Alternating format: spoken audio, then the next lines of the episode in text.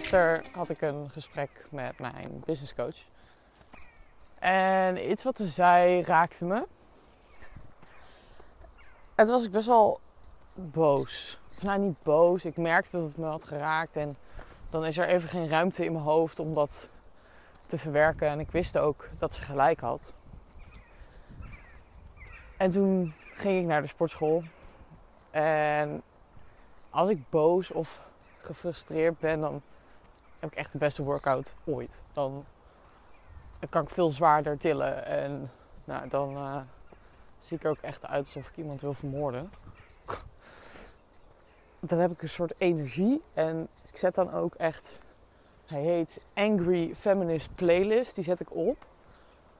Nou, en dan komen de nummers van Pink en Rihanna en nou, noem het maar op, maar waarop je gewoon helemaal losgaat. Dat je echt gewoon, nou, je ramt alles in elkaar. Het liefst wil ik dan ook gewoon even lekker rammen. Dus of ik ga kickboksen of ik ga dus naar de sportschool. En dat voelt daarna zo heerlijk, omdat ik dan weer ruimte heb in mijn hoofd en alle frustratie er ook uit is. Dus kan het je sowieso aanraden om te doen. Nou, en wat was nou wat me dan ja, geraakt had? En wat ook wel een beetje waar is. Ze zei, ja, volgens mij laat jij niet helemaal het achterste van je tong zien online. En daar heb ik even over nagedacht. En ik denk dat ik dat wel deed, maar dat ik dat inderdaad de laatste tijd niet zoveel meer doe. En dan wil ik wel weer doen. En ik weet ook hoe dat komt. Dat komt door de relatiebreuk met mijn ex. Dat komt door alle veranderingen die ik heb meegemaakt in mijn bedrijf en ook met mezelf.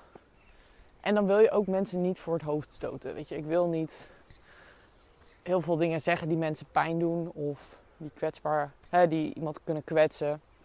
En dat hield me heel erg tegen. En daarna was het ook van ja, oké, maar er is heel veel wat je wel kunt zeggen. En dat is natuurlijk ook gewoon zo. Dus verwacht vanaf nu nog eerlijkere podcast. waarin ik het nog weer ga hebben over emotie en gevoel. En ja, de processen waar ik zelf ook doorheen ga. Want het is niet allemaal koekenij. En ik heb ook dingen waar ik mee struggle.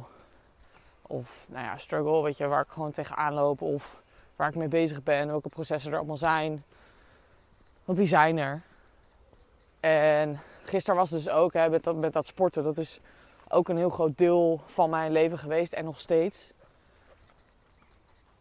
Toen ik een jaar of twaalf was, toen 13, ging mijn lichaam veranderen. Ik werd puber en alles werd wat voller. En nou, ik mocht in principe ook vroeger gewoon altijd alles uit de kast pakken. Ehm, dus ja, dat deed ik ook. Ik haalde alles uit de kast. En uh, ja, dan word je wat voller. En ik had ook best wel vroeg, ik werd toen ik 12 was, uh, werd ik ongesteld. Dus dat is best wel uh, op tijd. En ik merkte dat die veranderingen er ook waren. Ik kreeg als eerste in de klas kreeg ik, kreeg ik borsten. En ik werd dus al ongesteld toen ik 12 was. En dat, dat merkte ik allemaal. En ik ga nog een andere podcast opnemen over... Ja, gewoon wat meer over, over mijn verhaal. En waardoor ik nu ben wie ik ben. Maar goed, je moet in ieder geval voorstellen dat ik als puber. Ja, natuurlijk, weet je, ik was ook onzeker. En ik denk dat ik dat soort opvulde door heel vroeg ook aandacht van jongens te willen. En met dat dan een soort, dat gaf me dan een gevoel dat ik dan wel leuk was. Uh, ja, dus ik was daar ook best wel vroeg allemaal bij en ik was daar ook veel mee bezig. En nou, op een gegeven moment had ik ook een vriendje toen ik 16 was. En nou, toen ging op een gegeven moment soort van... Ik sportte helemaal niet. Hè. Ik vond sporten echt helemaal kut. Nee, ik deed alles op blauwe maandag. Uh, ik heb op majorette gezeten. Ik heb op uh, korfbal gezeten. Noem het maar op. Maar ik bleef nooit ergens op zitten. Maar ja, ik, weet je, ik had wel alles. En ik was er eigenlijk op dat moment ook niet echt mee bezig. Tot ik op een gegeven moment 17 was volgens mij. En toen zag ik foto's dat mijn vader die ging trouwen. Mijn vader en mijn moeder zijn gescheiden toen ik twee was. En hij ging opnieuw trouwen. Ze had een nieuwe vrouw. En zag ik foto's van mezelf en toen dacht ik echt van nee. Nee, ja, dit, de, dit gaan we niet doen. Dit wil ik niet. Ehm, oké, ik ga beginnen met sporten. En dat was voor mij echt een heel groot ding. En vond het ook mega spannend om me in te schrijven bij de sportschool. En dat begon dus heel onschuldig. Ik ging dan op mijn scootertje en op een gegeven moment in mijn eerste autootje ging ik naar de sportschool. En daar ging ik een beetje cardio doen. Dat vond ik al heel wat. En toen was ook echt een beetje de opkomst van ja, de, de fit girl hype op Instagram. Dus ik ging me daar wat meer in verdiepen. En dat werd ook echt iets wat ik, wat ik leuk en interessant vond. En misschien was het ook wel een soort van afleiding van de studie die ik toen ging doen. Waar ik eigenlijk ook niet echt op mijn plek zat. Weet je, daar voelde ik me ook weer ja, ook niet heel erg goed in. Uh, de mensen, die, daar matchte ik ook niet heel goed mee. Dus ja, toen ging ik me echt verdiepen daarin. Hè. Dus ik ging uh, Fit Girls volgen. Ik ging uh, proteïnepoeder kopen. En ik ging ja, echt veel minder eten. En ik ging elke dag, letterlijk elke dag, ging ik naar de sportschool. En eerst was het dus gewoon anderhalf uur cardio doen. Dus ging ik echt anderhalf uur op een loopband staan. Ja, dat zie je op een gegeven moment wel natuurlijk. Hè. Als je veel minder gaat eten en je gaat alleen maar cardio doen. Dat ging best wel hard toen. Goed, ik was denk ik niet veel te zwaar voor mijn leeftijd. Maar ja, ik, ik vond toen vanzelf wel. Hè. Ik vond mezelf echt verschrikkelijk. Voor mezelf. Nou, dat ik echt dacht van nou, hier moet ik iets aan doen. Nou, die twee uur cardio werd op een gegeven moment ook krachttraining. Dus ik ging daar echt uh, serieus mee bezig. En na een tijdje was ik daar ook anderhalf uur per dag mee bezig. Dus ik was echt flink, uh, flink aan het sporten. En toen ben ik ongeveer in anderhalf jaar tijd ben ik 15 kilo afgevallen.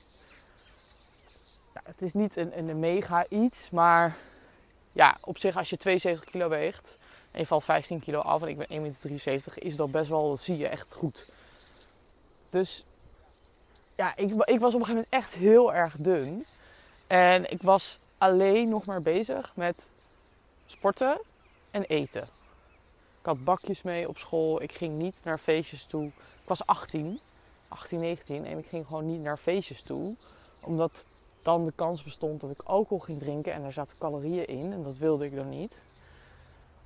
Um, nou ja, dus zo, dat was mijn leven. Ik was echt obsessed with uh, sporten en met voeding bijhouden. Ik had ook een app waar ik allemaal calorieën in bijhoud, bijhield.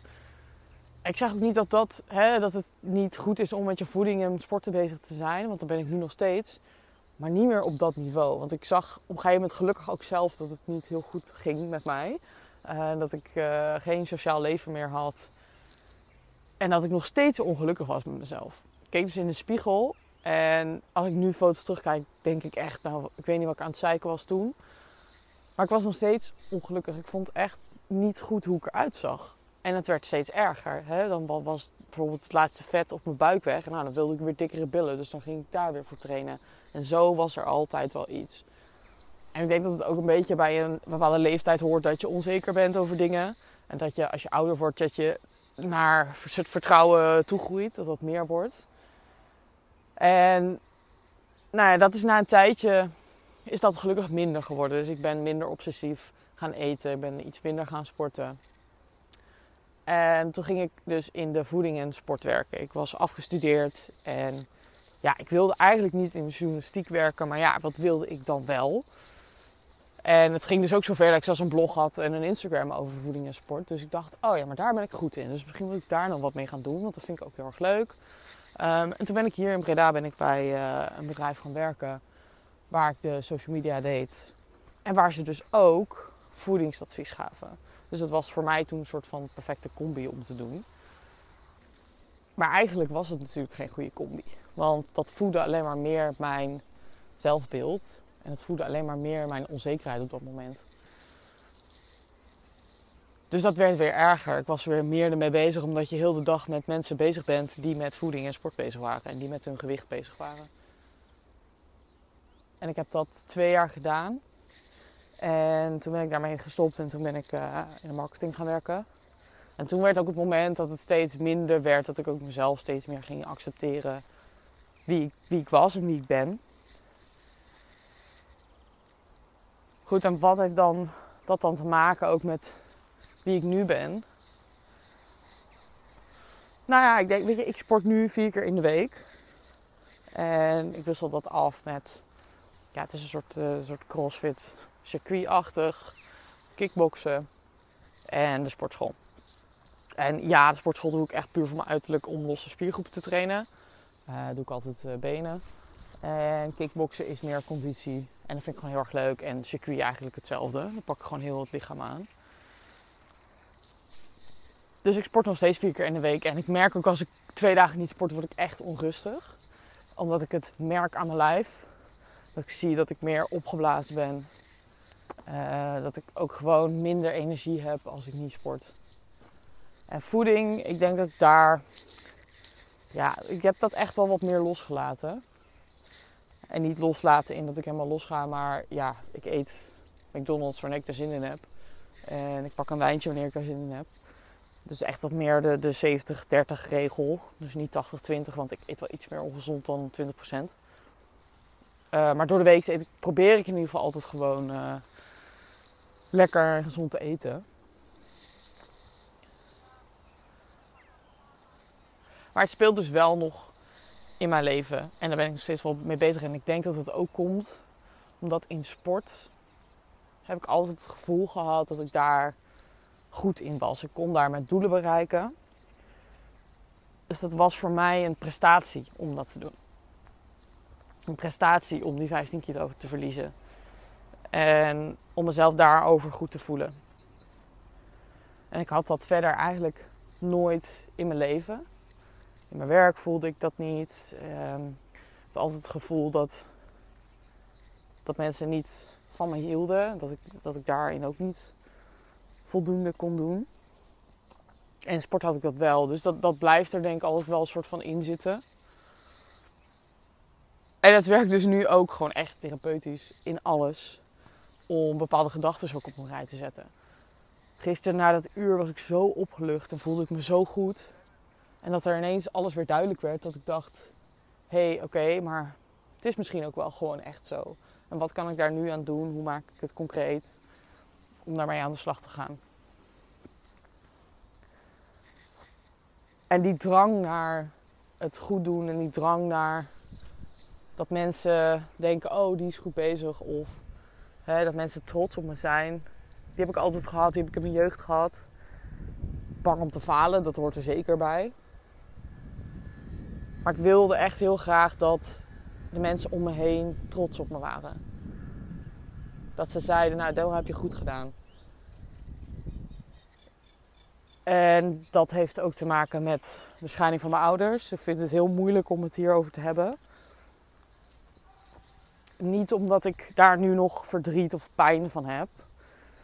Ehm, want weet je, dat is op dat moment voor mijn ouders de beste keuze geweest. En die hebben allebei een heel fijn leven. En allemaal weer een leuke, lieve partner. Uh, waar ik ook heel blij mee ben. Maar ja, dat is toch iets wat invloed heeft gehad op mijn leven. En om dat dan zo nu te vertellen vind ik moeilijk, vind ik lastig. Maar zo is het wel. En daar zit nog veel meer achter wat me heeft gevormd tot wie ik nu ben. Maar ja, die drang dus om het goed te doen, die drang om te pleasen, die komt wel een beetje daarvan. Dat ik daar die bevestiging in zoek. Die ik misschien vroeger dan voor mijn gevoel minder heb gehad. Of uiteindelijk wel heb gehad. Maar daar moest ik dan een soort van altijd maar heel goed mijn best voor blijven doen. Want anders kreeg ik die niet.